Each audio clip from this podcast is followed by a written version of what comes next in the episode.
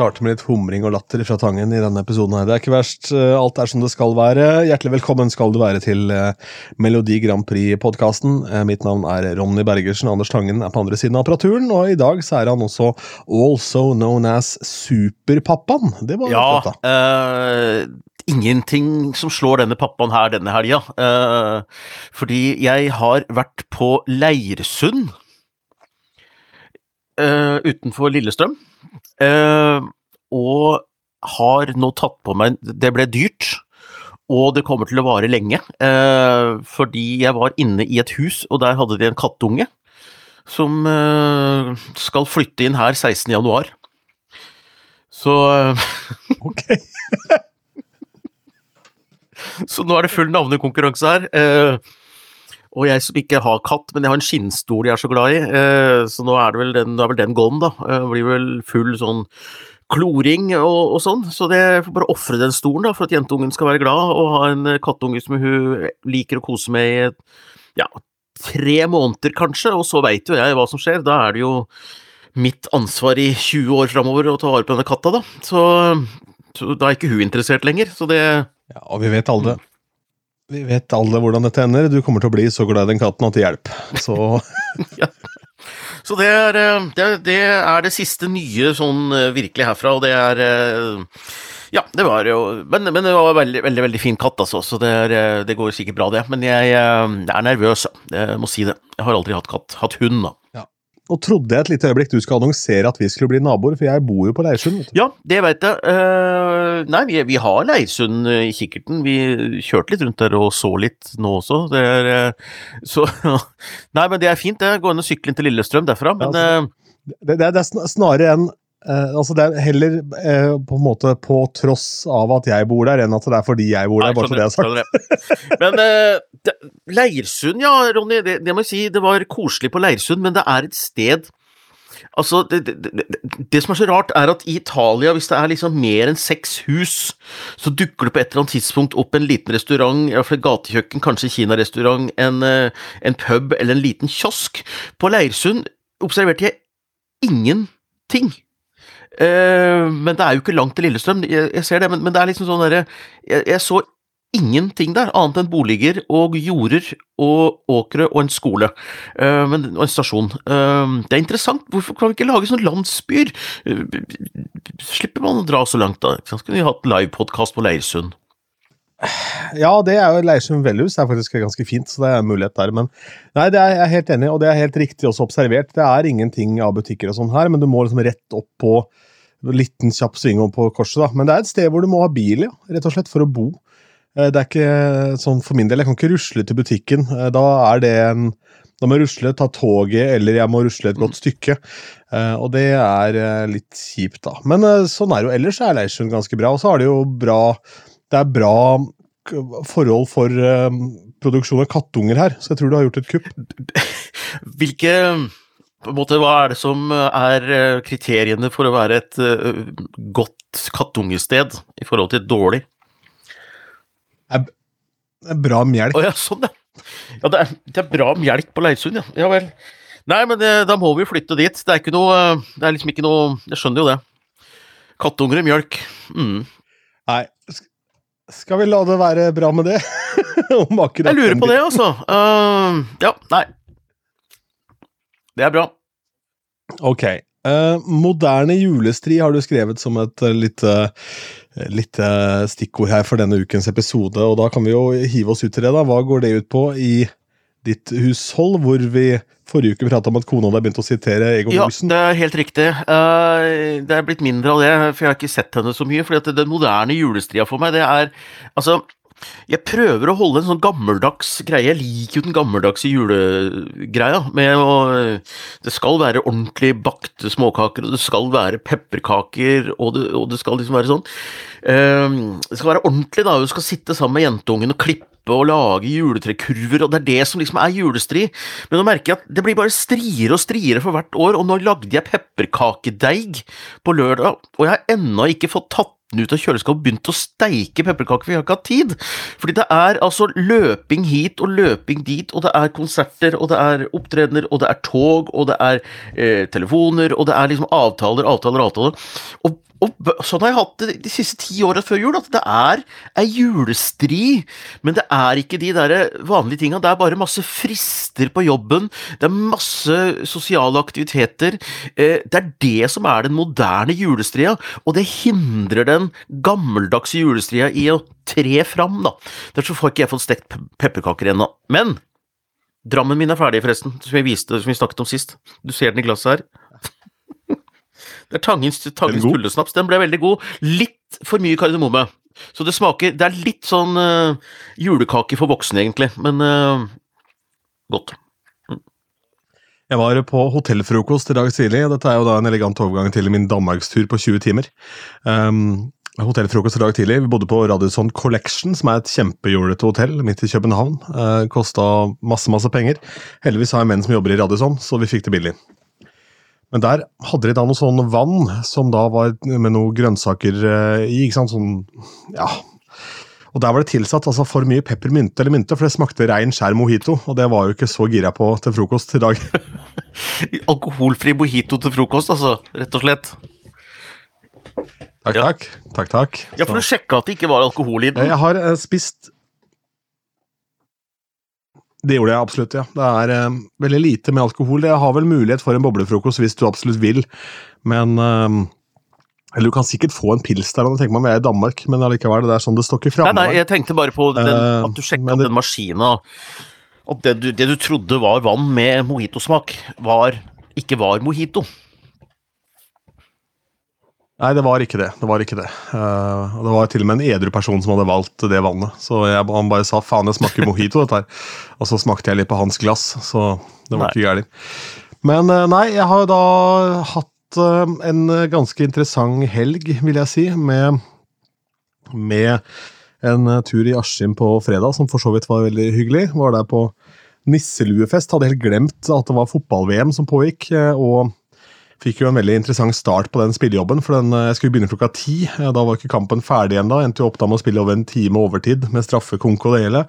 Den matchen, det publikummet som var igjen i da, den puben da, de var ikke interessert i å danse, Nei. for å si det mildt. Hva gjør du da? Så um, det ble litt sånn litt, Nei, det ble en, nei, men altså, de ble bytta ut Mm. med mine folk etter hvert. Det ble litt tungrodd start da på den festen. Men uh, alt i alt uh, veldig interessant kveld, for den endte opp med at jeg ble spurt om en autograf av en dame som jobba på en bensinstasjon. Ja, Var det fordi hun ville ha Ronny Bergersen-autografen, eller var det fordi du ligna på noen? ja. Hun ville ha den, fordi hun samlet på autografer. fant ut det, Jeg trodde hun kødda først. da, ikke sant? Og Han som kjørte meg, og kameraten min Roger, han, hadde ikke han vært med, så kunne jeg ikke fortalt denne historien, for dette er jo, da høres for dumt ut. ikke sant? Men jeg Ja, Nå holder jeg fast tangen. Eller kan ta en altså- støyt. Noe av det beste jeg får å spise, det er altså Kristoffer Schou spiser stort sett knekkebrød med gulost. Det er det beste han veit. Noe av det beste jeg kan få å spise, det er da frøhorn med, med ost Ja, og skinke. ja, ja. Eh, Så jeg er en av svært få som kjøper det natterstid på bensinstasjonen istedenfor Mm. pølse. Og det ble jeg stående og prate med noen som jobber på Benseren om. eh, For jeg er jo generelt interessert i folk, så jeg snakker jo med folk overalt. Også på bensinstasjon. Så sier de men du, jeg har sett deg, er du kjent, liksom? Så, ja, jeg er jo for så vidt det, da. Så jeg jobber i radio og sånn, og er jo vært i bytrynet her alltid og greier, da. Og så går jeg for å hente en Farris, og så kommer dama med en penn og en blokk og lurer på om jeg kan få autografen min. da. Og så kødder jeg med at den er ikke noe verdt, men så viser det seg hun samler på autografer. da.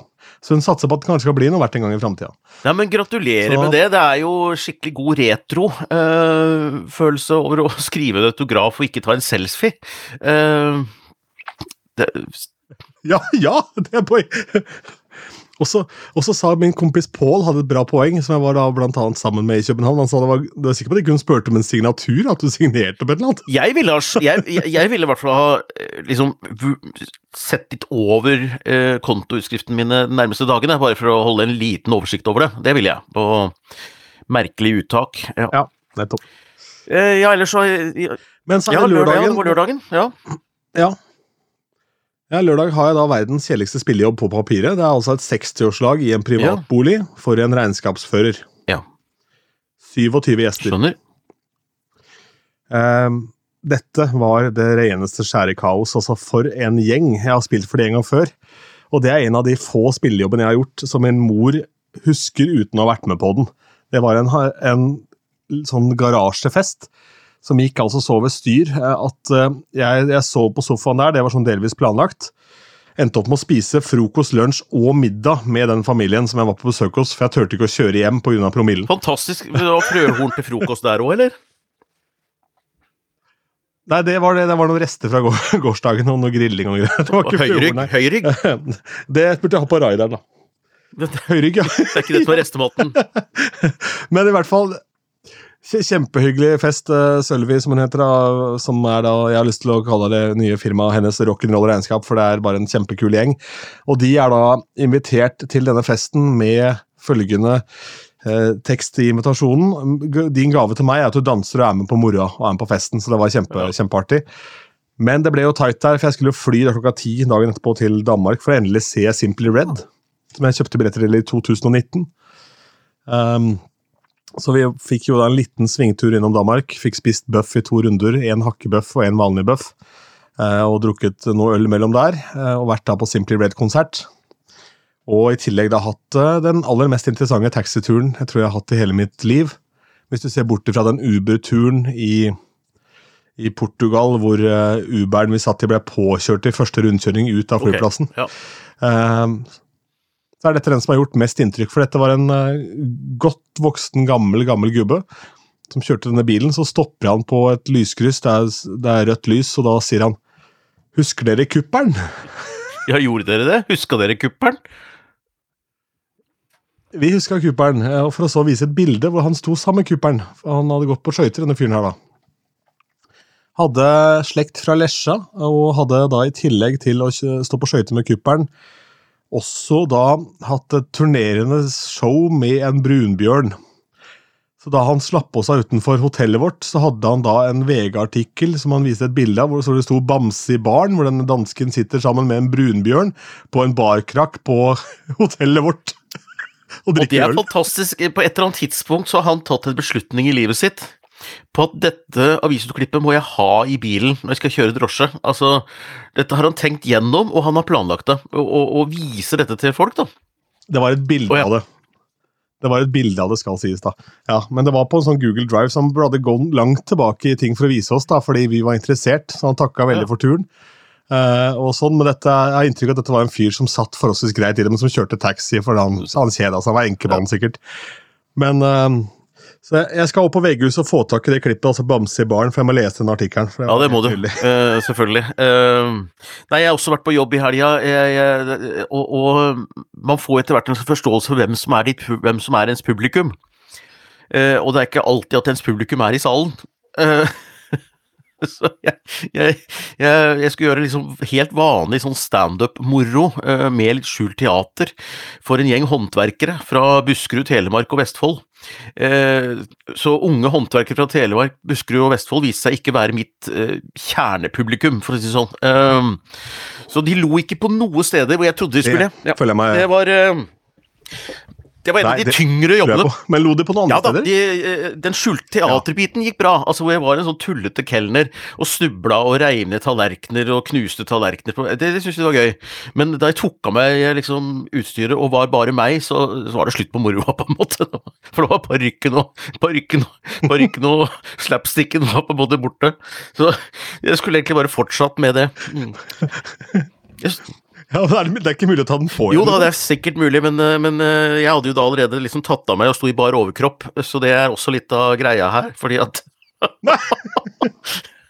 Fordi at jeg sto der, jeg var, jeg var skjult teater, var kokk, og så tenkte jeg at du skulle stå der mer i sivil når jeg gjorde standup, da, så var det ikke noe sted å skifte, så tenkte jeg bare skifte fram på scenen her, da. Så, for jeg ville vise fram julebordkroppen, for jeg mener at jeg eh, har ikke noen annen type kropp, men jeg har en slags type julebordkropp, følte jeg. Så det, nei da, jeg kom dårlig ut, og øh, kom meg aldri noe særlig inn igjen heller. Men det skjer av og til. Det er et eller annet med sånn derre alle, alle som har stått på scenen som komikere og sånn, har sånne kvelder, og det skjer jo sjeldnere og sjeldnere, men alle har tunge jobber. Det var en, en av dem.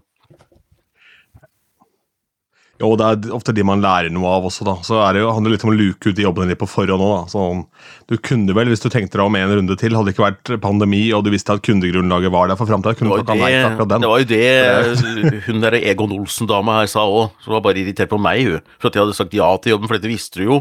Så det var hennes respons på det. Men det var altså et, en videosnutt her av at du spilte piano. Ja, et bilde i hvert fall, det stemmer. Det var på jobben i dag, det var veldig koselig. Uh, det var i Sandefjord i dag. Jeg har vært ute på uh, togreise, det var jo totalt kaos i tog, men jeg hadde flaks med alle. Jeg rakk det toget som var én time forsinket, for det gikk da på den tida da toget mitt skulle gått.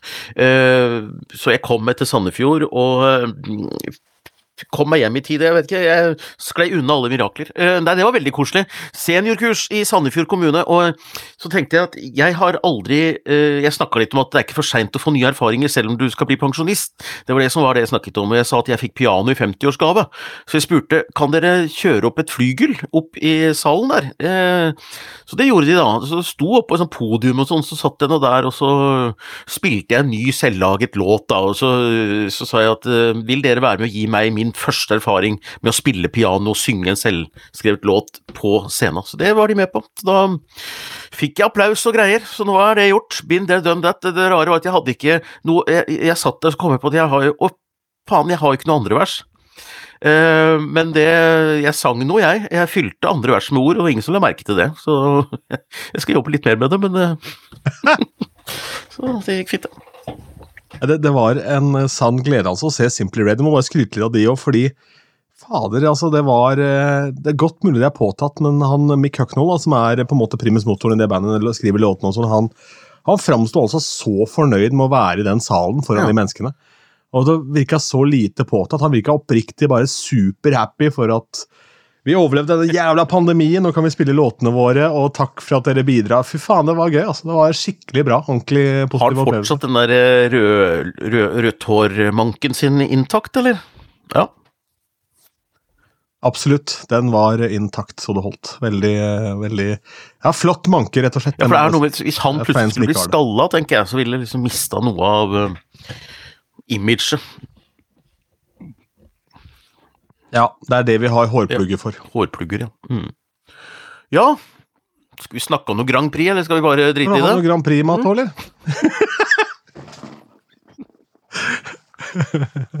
La oss begynne med at Slovenia har sluppet artist. Der har vi jo ikke all verden av info, da vi ikke kjenner veldig godt til artistfaunaen i Slovenia, men det kan i hvert fall nevne det. Ja da, og det er i hvert fall et sånt eh, De har valgt internt da, å plukke, og de, begrunnelsen er rett og slett at nei, det er det bandet som har solgt best, så da, da sender vi dem. Så det er jo også en helt fair begrunnelse. Uh, og så fikk jeg akkurat rett før her fra en uh, Jeg skal ikke røpe navnet på vedkommende, men en som pleier å gi meg litt sånn innspill som kan være litt hold i, da.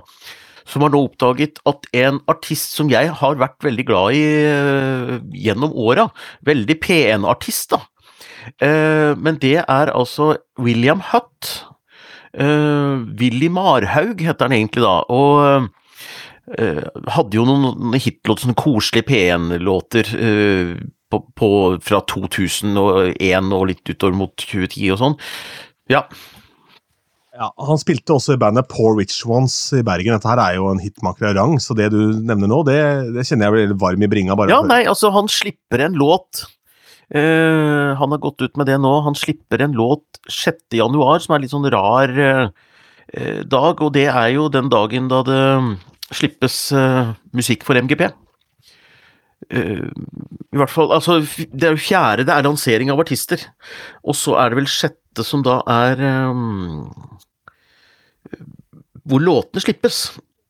ja, jeg skal sjekke datoen her, forresten, for jeg, nå begynte jeg å bli litt usikker. Jeg tror det stemmer, ja. Fredag sjette, ja. Mm. Så datoen kan, kan ja, eh, Next year, my friends. Og, og, da er det jo lansering da den fjerde. Så dette veit jeg ikke noe om, men uh, William Hutt, altså, det er jo en uh, kredibel musikkmaker, og uh,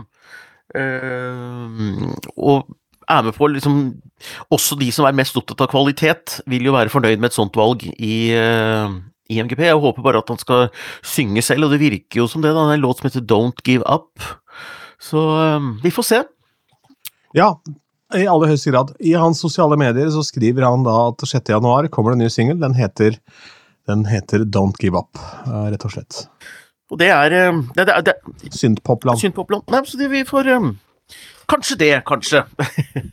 det blir gøy. Ellers så gleder jeg meg til uh, lørdag. Jeg må finne en måte, enten det er på Eurovision TV eller det er på YouTube, for jeg må jo se den ukrainske finalen. Altså det Jeg må finne en måte å få streama den på ja. på lørdag. Jeg har ikke noe jobb på lørdag kvelden. Det må jeg si jeg gleder meg til på alle måter. og det er jo én sånn uh, stor favoritt der, Jerry Hale, som er sånn uh, veldig moderne poplåt, da. Jerry Hale heter hun, og har en låt som heter uh, When God Shut The Door.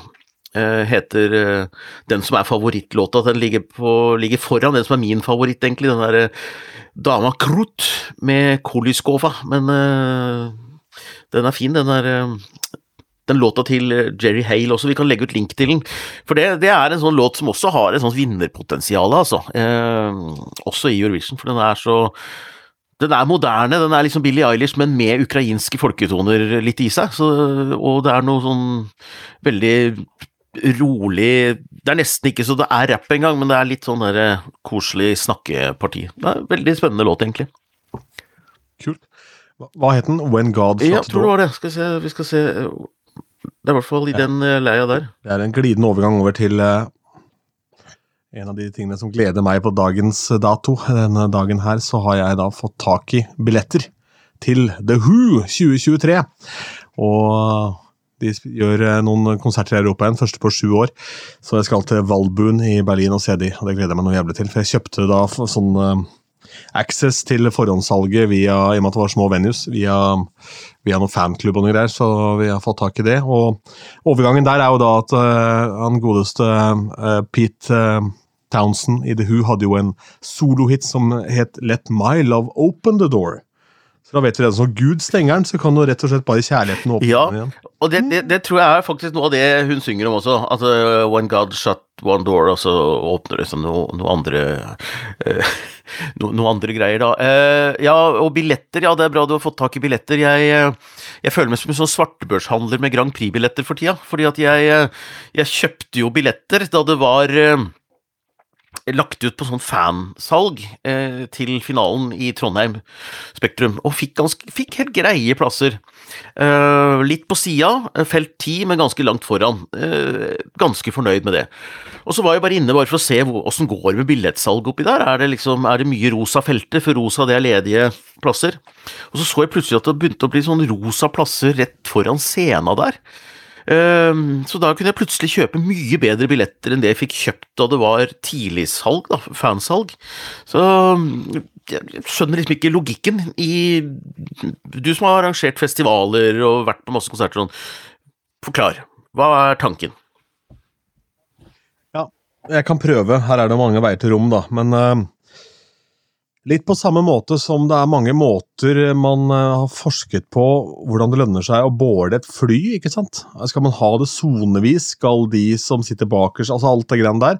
Så er det også hvordan blir vi kvitt billettene enklest mulig, og hvordan får vi lagt opp dette her mest fornuftig. Kan for det første ta bakgrunnen for at en sal er delt opp i soner i utgangspunktet. Før så kjøpte du en konsertbillett og gikk på konserten. First come, first ja. served. Den som startet det, det var Donald Trump. Ok.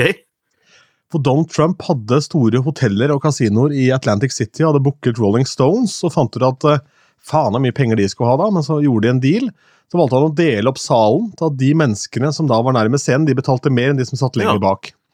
Uh, og dermed så tjente han inn den summen, da. Så Donald Trump har skylda for alt det røret ja. her.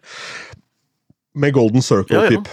Ja, um, men greia er at uh, på et fansalg så vil jeg tippe, da, fra toppen av huet, vil jeg tippe at det legges ut, la oss si Bare for å si noe, hvor mange er det plass til her? 10 000? Ja, ja. Er det sånn for å ta et tall? Ja, så er 3000 av de billettene er lagt av til det fansalget. Ja. ja. Ja, Ikke sant? Og det er jo da billetter i forskjellige kategorier, så det kan hende at da du gikk inn, at det var utsolgt i den kategorien med de billettene nærmest scenen i fansalget, men i det ordinære salget, som nå nok går litt trått i og med at vi er i den økonomiske posisjonen vi er nå, folk har dårligere råd alt dette her. Vi ser det litt bortover at ting går litt seigere, veldig mye i hvert fall. Så vil jeg da tro at kanskje mannen i gata venter litt til. Ikke sant? Hvilke artister dukker opp, og så hva Ja, ikke sant. Nei, fordi at når jeg ser på Jeg sitter og ser på salgkartet her nå på eventim.no, så det er moro å følge med her, da. eh, Og ser liksom De grå feltene er jo da opptatte plasser, og rosa felter er jo eh, ledige plasser. Nå ser jeg nå har de begynt å Nå har de begynt å selge bak. Ganske langt bak er det mye rosa som er ledig, men det er ingenting foran, for eksempel. Så Nei, det er nok som du sier, og altså skal de fylle opp litt på TV-bildene også, ikke sant, at uh, hvis det ikke skulle bli utsolgt, så vil de sørge for at det ser fullt ut allikevel. Så det er jo litt sånn uh, Du trenger jo ikke selge de aller bakerste øverst først. Og det vil tippe det er teppesystem også her, dette blir veldig teknisk, men i Spektrum så er det et avansert teppesystem hvor du kan dele av soner her, soner der, slik at da salen fremstår full, men du har ikke så nødvendigvis kjempemye tomme seter, til tross for at ikke du har folk i setene, for det er svarte, draperte tepper Ja. her og der da, som henger ned, eh, og det vil jeg tippe er det akkurat samme i Trondheim Spektrum. Og i hvert fall når du skal lage TV, for det må man også legge til grunn at du lager TV, du lager ikke konsert, lager TV. Og det er faktisk ganske mange billetter her uh, som er gule. Det betyr begrenset sikt pga. at det er kraner eh, og sånt. Altså. Men ellers så begynner Trondheim-helga Ja. å falle på plass da for vårs. Eh, det blir bobletreff for Tangens Grand Prix-bobler på fredag. Da skal vi på italiensk restaurant før eh, fredagsfesten. Og på lørdag så blir det bobletreff på formiddagen oppe i Tyholttårnet på Egon, hvor vi da kan sitte og se ned på Trondheim Spektrum og, og sitte der og vente på mat og drikke, eh, som kanskje kommer en gang. Eh, det er ikke verdens beste service der, men det er veldig koselig. Jo, men dette er, dette er helt perfekt, det. Det er helt perfekt, fordi eh, årene, Egon der, fikk jo terningkast én som den eneste i VGs historie eller et eller annet. Men så prata jeg med da kollegaene mine i Trondheim som da jobber rett ved siden av, og de sa det har aldri vært mer besøk der. Så det er helt topp, det. Det er beste reklamen de kunne få. Ja, ja nei, men å dra på Grand Prix, terningkast én uh, angro, på en måte, og, og dra på Egon eh, og sitte og vente på mat, det blir fint, det. Mm. Vi gleder oss. Men skal vi gå over til noe som ikke er terningkast én? Ja. Skal vi gå over til en, jeg, nå- for nå begynner kalenderen min å bli såpass full at nå jeg bare hiver det ut her, så får jeg redigere det bort etterpå hvis vi nå driter oss ut. Men vi har pratet løst om å ha en Grand Prix live Grand Prix-podden den 13. januar. Um, og den datoen begynner nå å bli den eneste datoen i januar som det er mulig å få det til. Så jeg tror vi skal prøve å gå for den og finne et lokale. Så vi slenger det ut her. Holde av den datoen, for jeg har lyst til å gjøre en dobbel nå. Hvor vi tar Grand Prix-podkasten som vorspiel. Og så tar vi en tur på Amanda Tenfjord etterpå. Hvis man har lyst, for da spiller hun på Gjør det, ja. Nettopp. Ja, men det høres jo gøy ut. Da, men da, da spiller vi podkasten på Rockefeller, da, på scenen der. Bare sitter vi i to stoler litt sånn framme Ja. før Amanda går på. Jeg ringer Amanda og sier du, kan ikke vi bare ta litt sånn rolig show mellom der.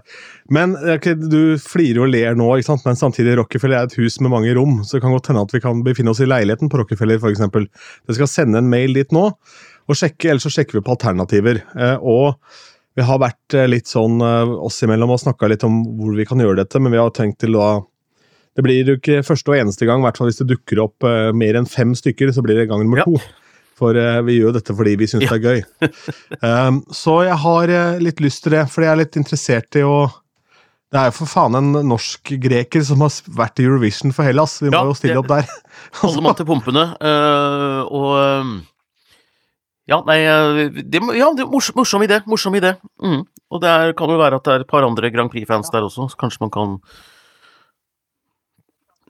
Ja, Og så er vi veldig åpne for liksom feedback hvis noen har eh, altså noen tanker om et eller annet der som, noen som er smartere enn oss. Det skal ikke være så jævlig vanskelig å finne blant alle de fine folka som hører på denne podden.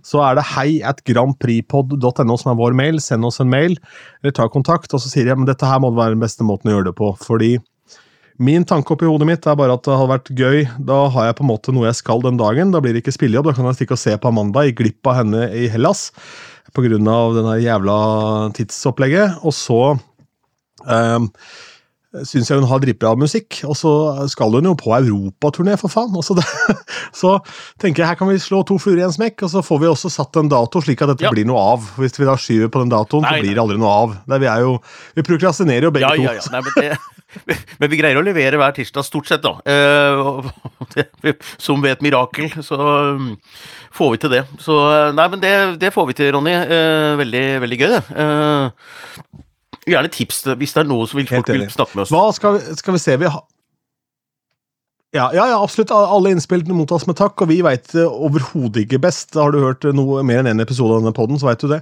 Uh, og de som ei heller veit best, det er vel de russerne som driver og troller i Eurovision Forum. Her er det trollfabrikk ja, altså, gang. Veit jo ikke det, men, men det er uh, diskusjon i miljøet, fordi at uh, nå var det Eurovision Junior i helga, og da vant Frankrike. Og og det er på en måte litt sånn, Du kan jo avsløre litt sånn trolling på at folk oppfører seg helt annerledes enn det det normalt er i den type forum. Altså det er sånn, Så plutselig har det blitt så veldig aggressiv tone mot vinneren der, og sånn, litt sånn usaklig hets og mye, sånn, mye merkelig trolling som egentlig ikke ligner Eurovision-forumene. altså fordi at det, man, det går veldig hardt for seg der òg, men da går det på de premissene som er på Eurovision. altså Du kjenner noen uh, utgangspunkter, og det er liksom et språk, og det er noen koder. Men det, det, det er, de kan ikke de kodene, og da ringer det sånn her trollfabrikk-bot-varsellamper uh, i huet mitt, altså. Ja, og jeg må også innrømme at det, det høres helt ut som psykologisk krigføring å gå på da en konkurranse for barn. For det setter ting i ubalanse, ikke sant. Så, og jeg er helt sikker på at også Eurovision for voksne kommer til å bli en sånn arena for disse bottene. Med og hvis Ukraina skulle ligge an til å vinne og sånn, så er det jo Og der er jo allerede folk litt sånn småirriterte på. At hvis Ukraina vinner igjen, så er det en farse, som vi snakket om sist. Noe som er et helt legitimt synspunkt. Men det er lett å røre i det vannet der, da. Ikke sant. Og øh, så Nei da. Så Putins trollfabrikker er nok på jobb. Jeg vil bare at vi som er fans skal være litt obs på når vi ser ting og nyheter om Eurovision, at vi er ekstra kildekritiske, da, fordi at uh, det kan være Putin med eyeliner som sitter og finner på dette her. Det kan hende. Kommer fra eh, en mann som var helt over seg da jeg hadde kjøpt tilgang til Brønnøysund Avis for å få ham eh, i hele artikkelen. Eh, liker ikke Eurovision-musikk, eh, kan heller synge om pepperhøne. Så vær kritisk til, til overskriften. Men, men, da var vi jo veldig kildekritisk. Altså, ja, altså overskrifta var, var, vi litt sånn skeptiske til, men når vi gikk inn i det, så Ja, mannen fantes, han. Han fantes til de grader. Og vi gravde dypt også i Tore Johansen, eh, og eh, Tore Johansen-oppdateringen denne dagen, det er jo at i eh, programmet 24-stjerners julekalender eh, på NRK, så dukket Tore Johansen opp i en episode her eh, som skuespilleren fra eh, The Julekalender. Og det er jo en underdrivelse. Altså, han er jo en av skaperne bak dette her, så jeg syns ikke han fikk skinne nok da, i det programmet der.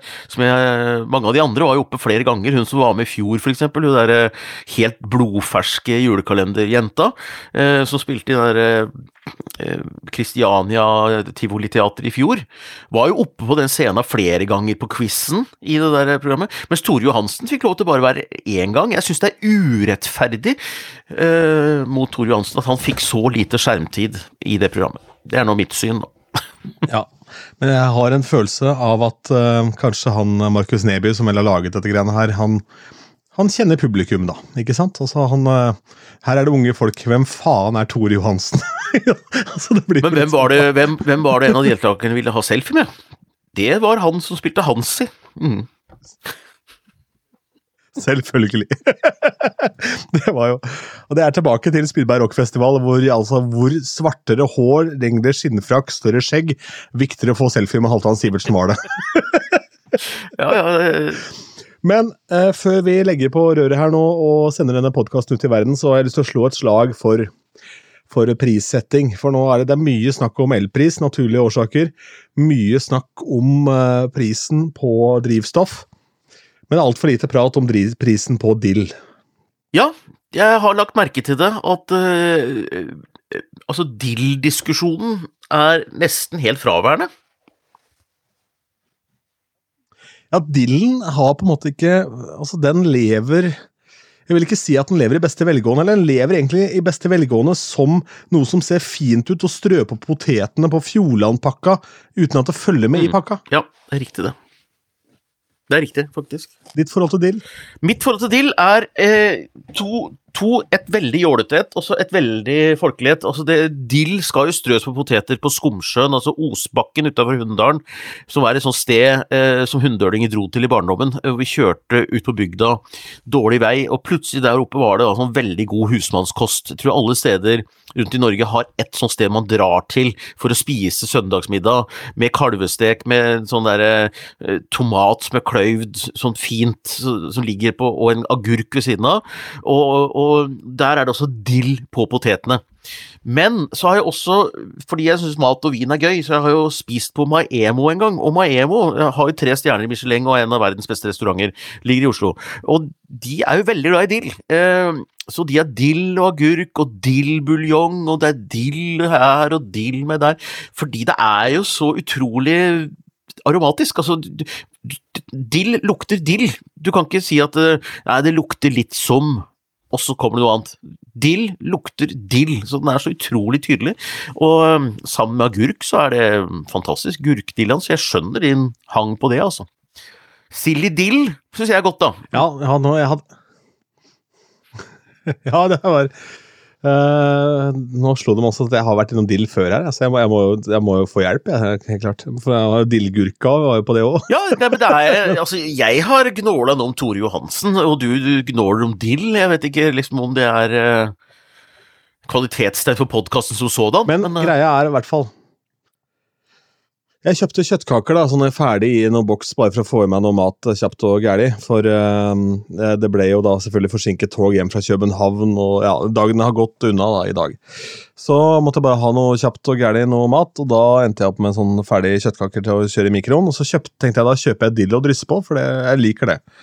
Eh, det koster altså nå 50 kroner for eh, en eh, et glass med dill. Ja, altså tørka dill. eh, Sånn krydder Ja, ikke, ikke sånn urtekurv.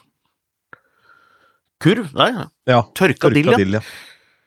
ja. Har du sjekka kiloprisen vår for moro skyld? I, i, I den hylla? Det må jo bli noen tusenlapper, da. Det har jeg Nei. ikke tørt. Ikke noen tusenlapper. Ja, men det er altså 80, 40, eh, 48, 90, og nå tenker du sikkert ja, har du vært på Jacobs på Holte? Nei, jeg har vært på Rema 1000! på. Leirsund! Ja, nei, men det, men, men det jeg da ville gjort, hvis jeg var det, det, det var at da ville jeg kjøpt en sånn krydder eh, Sånn, sånn eh, pott, og så ville jeg starte en slags egendyrking ved siden av hasjplantene. Så ville jeg hatt dill der, og så ville jeg liksom ha klipt sjøl, da. Altså, og så kunne du eventuelt tørka fra den. For du får jo en sånn, eh, får jo en sånn potte da for eh, 29,90, eh, og da er det jo 20 kroner mindre, og den, den, den varer jo, på en måte. Så begynn å tørke sjøl, ja. Starte business. Ja, vi, vi, kommer, Gjør vi det? tilbake til det. Men det er, det er en, av de, en av de tingene som da på en måte taler mot Leirsund, er jo da at det er dårlige forhold her for dyrking av f.eks. hasj og dill. For det er, det er litt kaldt her. Det er litt sånn kuldehull. Så det er fort et par minusgrader mer her enn i Lillestrøm, da, eksempel. Så vi, jeg tror vi vil ligge med det.